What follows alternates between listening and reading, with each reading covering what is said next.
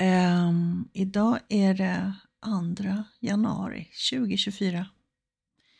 Och uh, idag tänkte jag fortsätta på den berättelsen som jag uh, berättade om igår.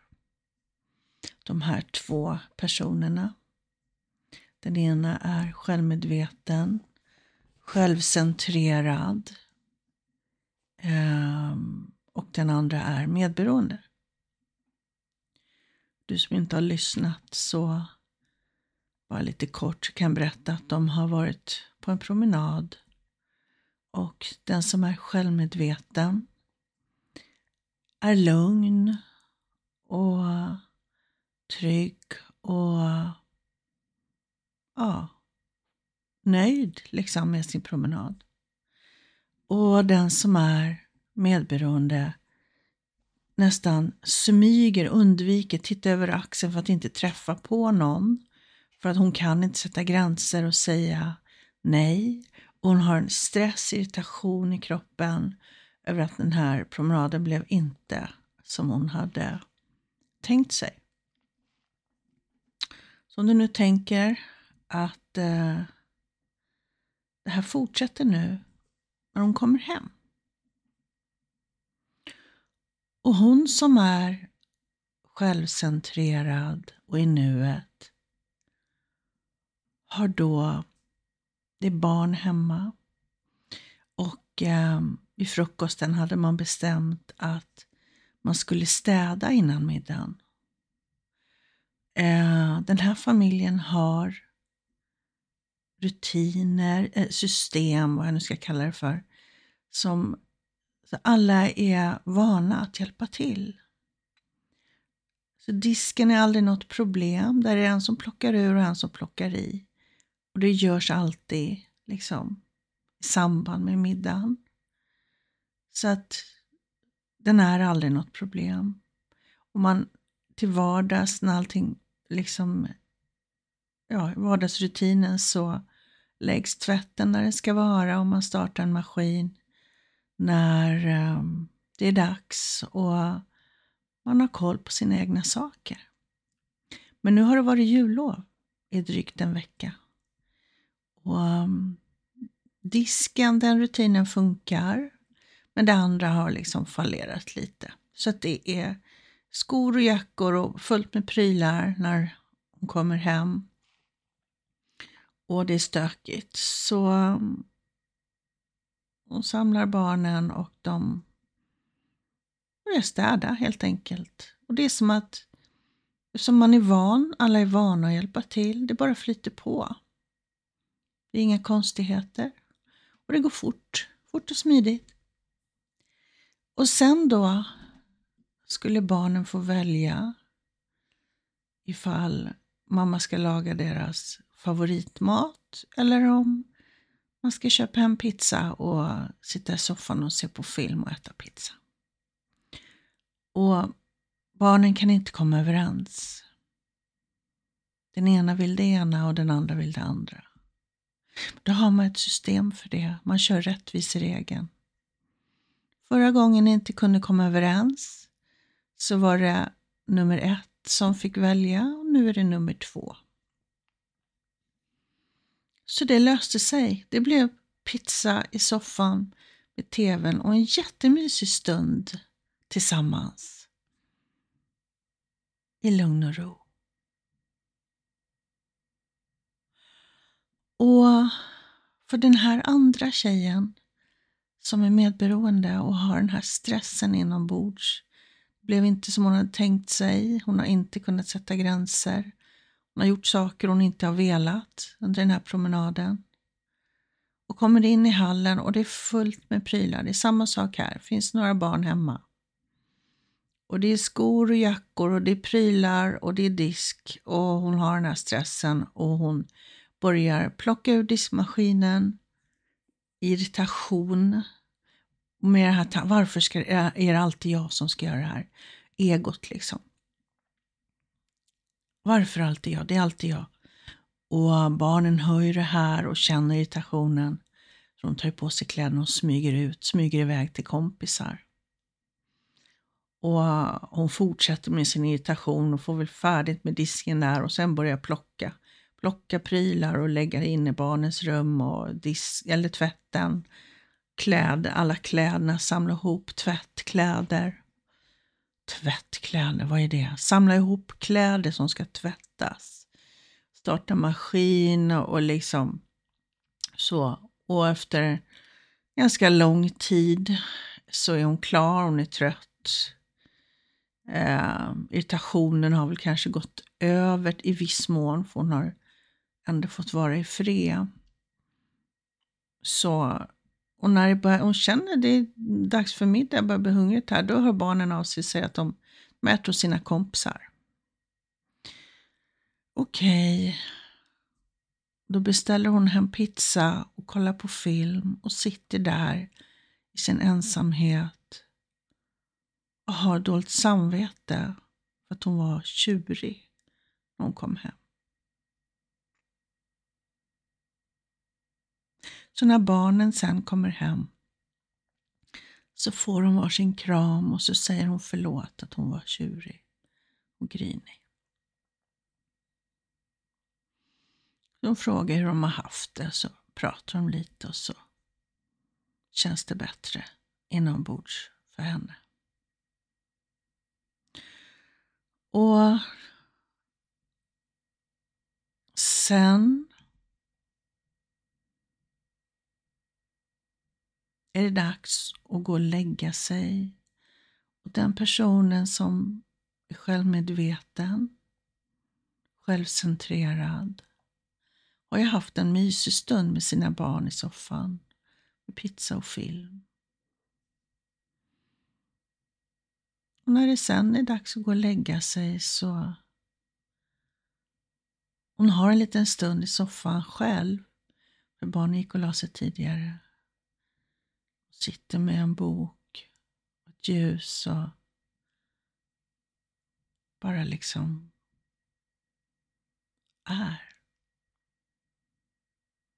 Går sen och lägger sig. och känner in ifall hon vill ha någon lugn musik eller en, någon meditation att somna till. Men nej, hon behöver inte det. Hon är trött, förnöjd, går och lägger sig och somnar. Och så då den här andra tjejen som är medberoende som har ätit middag själv med dåligt samvete efter hon var tjurig och sen kramat om barnen och sagt förlåt. Hon har en gnagande, skavande känsla inombords. Hon vet inte riktigt vad det är. Det, bara inte, det känns inte bra ändå, fast att hon sa förlåt till barnen. Hon vet inte hur hon ska komma åt det där. Hon vet inte vad det handlar om. Barnen går och lägger sig före henne hon lägger sig i sängen och, och sätter på tvn. För att slippa tänka. Slippa de där jobbiga tankarna och den där jobbiga skavande känslan som hon inte har en aning om vad det är. Och efter mångt och mycket så somnar hon till tvn.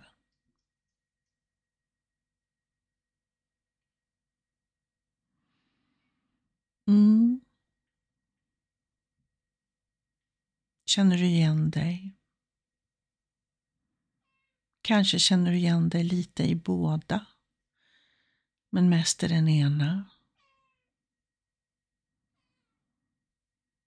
Eller kanske känner du bara igen dig i den ena. Och jag skulle då gissa att det är hon som är medberoende. Och varför hon har den här skavande känslan, jag skulle vilja Stanna, ja, hej Freja, nu har vi katten här igen.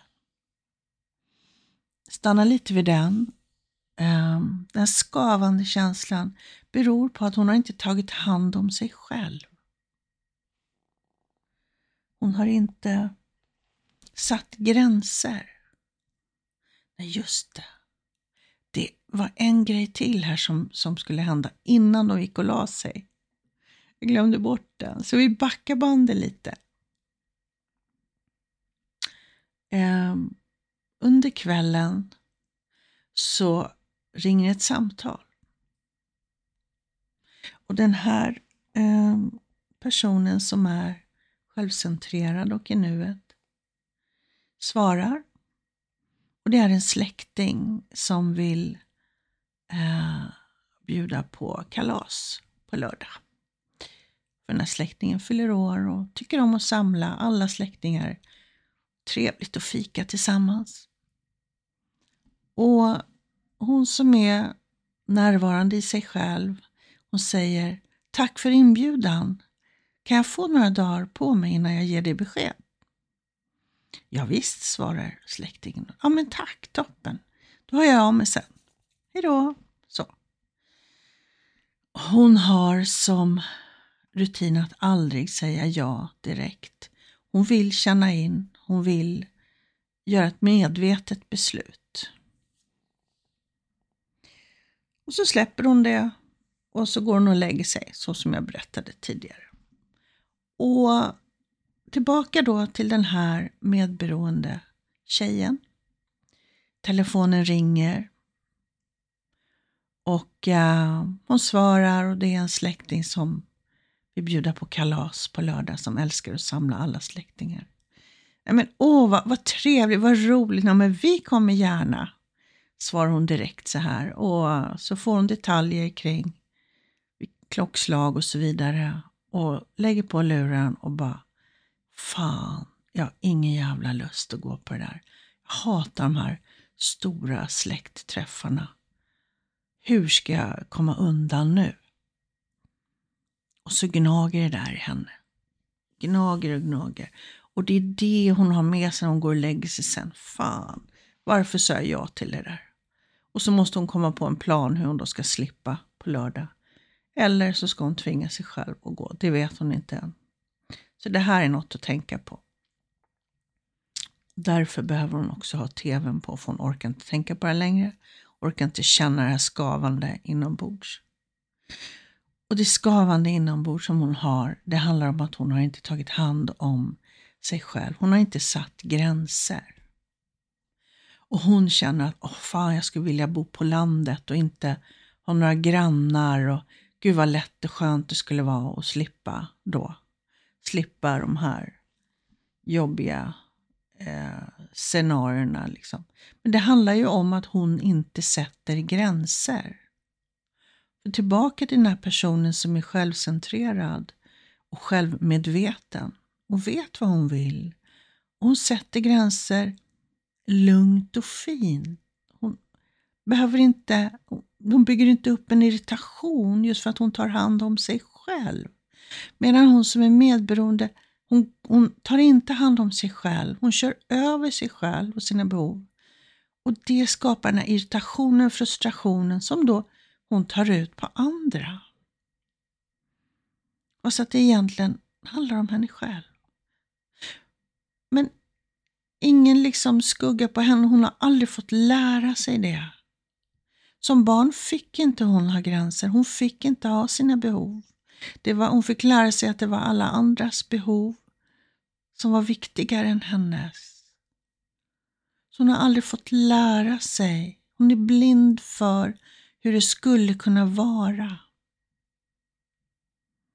Så all kärlek till henne. Hon vet inte bättre just här och nu.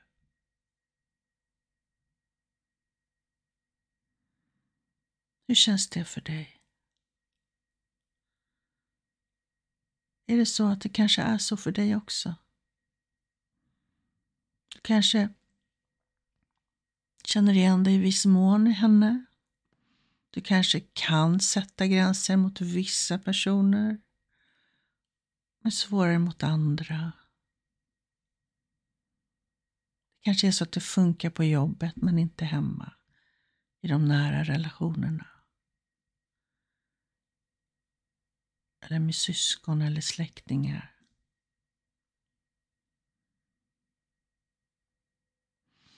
Jag vill tala om för dig att du har rätt att ha dina gränser. Du har rätt att ta hand om dina behov.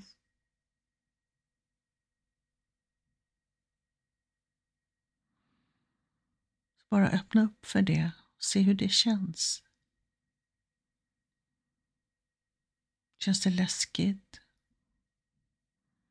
Rädd för andras reaktioner? Vad de ska känna för att du tar hand om dig själv?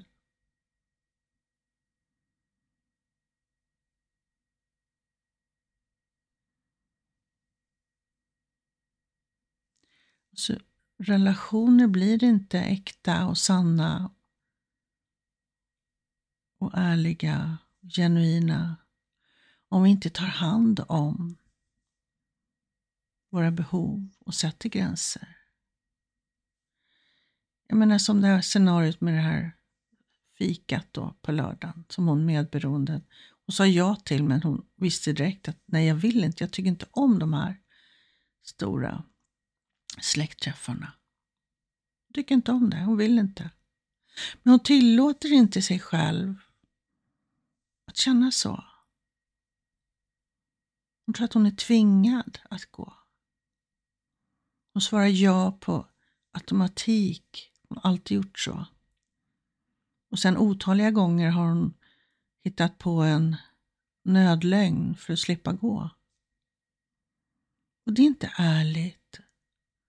Varken mot henne själv eller någon annan.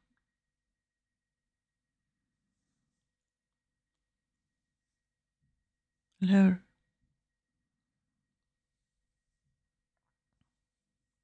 Mm.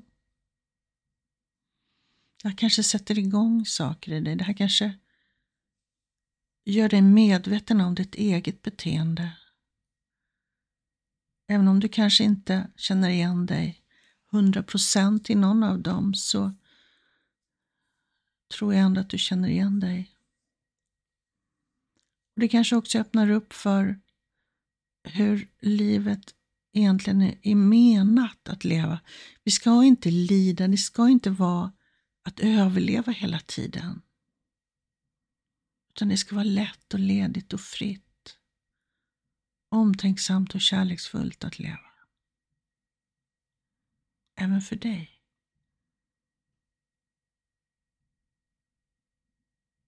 Och du kan ändra på det. Och jag tänker att det ska det här året handla om. Även för min del. Kan vi hjälpa varandra kanske? Kanske kan inspirera dig. Och ge dig lite verktyg till hur du gör förändringar. Men det är bara du som kan göra förändringarna. Ingen annan kan göra dem åt dig.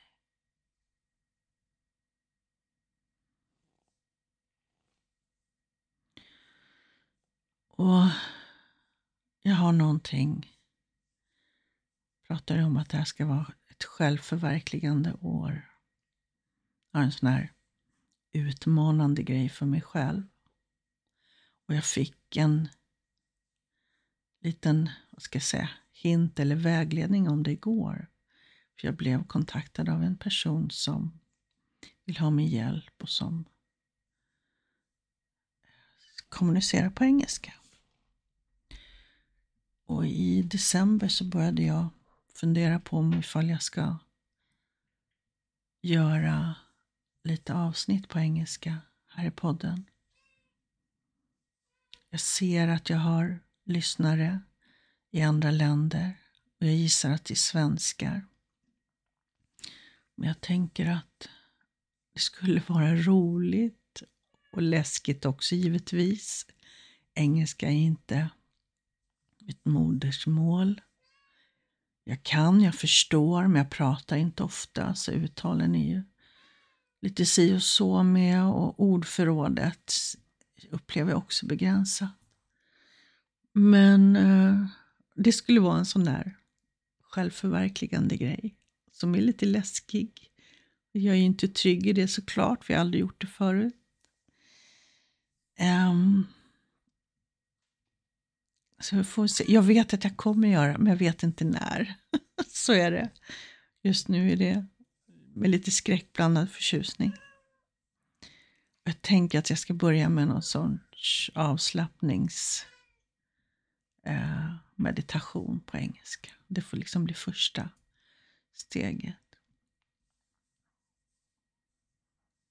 Då vill jag utmana dig lite. Vad, vad skulle du kunna göra som leder dig framåt i din utveckling, i ditt självförverkligande? Finns det någonting som du skulle vilja göra som känns sådär lite läskigt? Eller är det att börja sätta gränser, att börja ta hand om dig själv som ligger närmast till hands? Om jag tänker på de här berättelserna som jag pratat om både igår och idag. De här tjejerna. Den här tjejen som är medberoende. Det, hennes liv är jobbigare. Det är jobbigare att leva. Hon kan förändra det.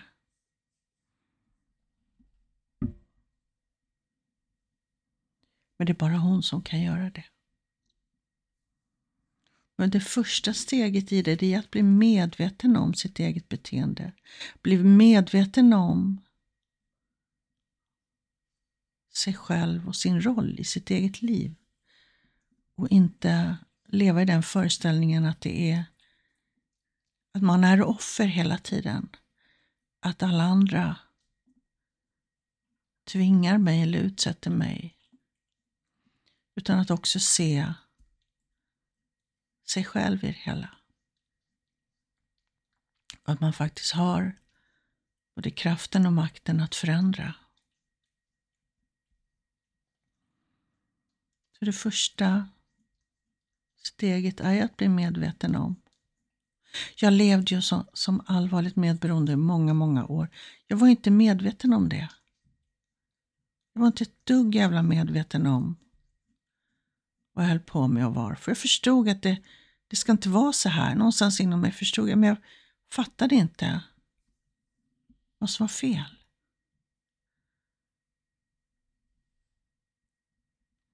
Och det här är bara fyra år sedan.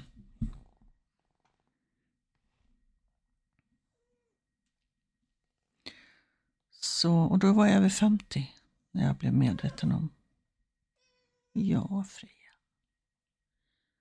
det är aldrig för sent. Aldrig.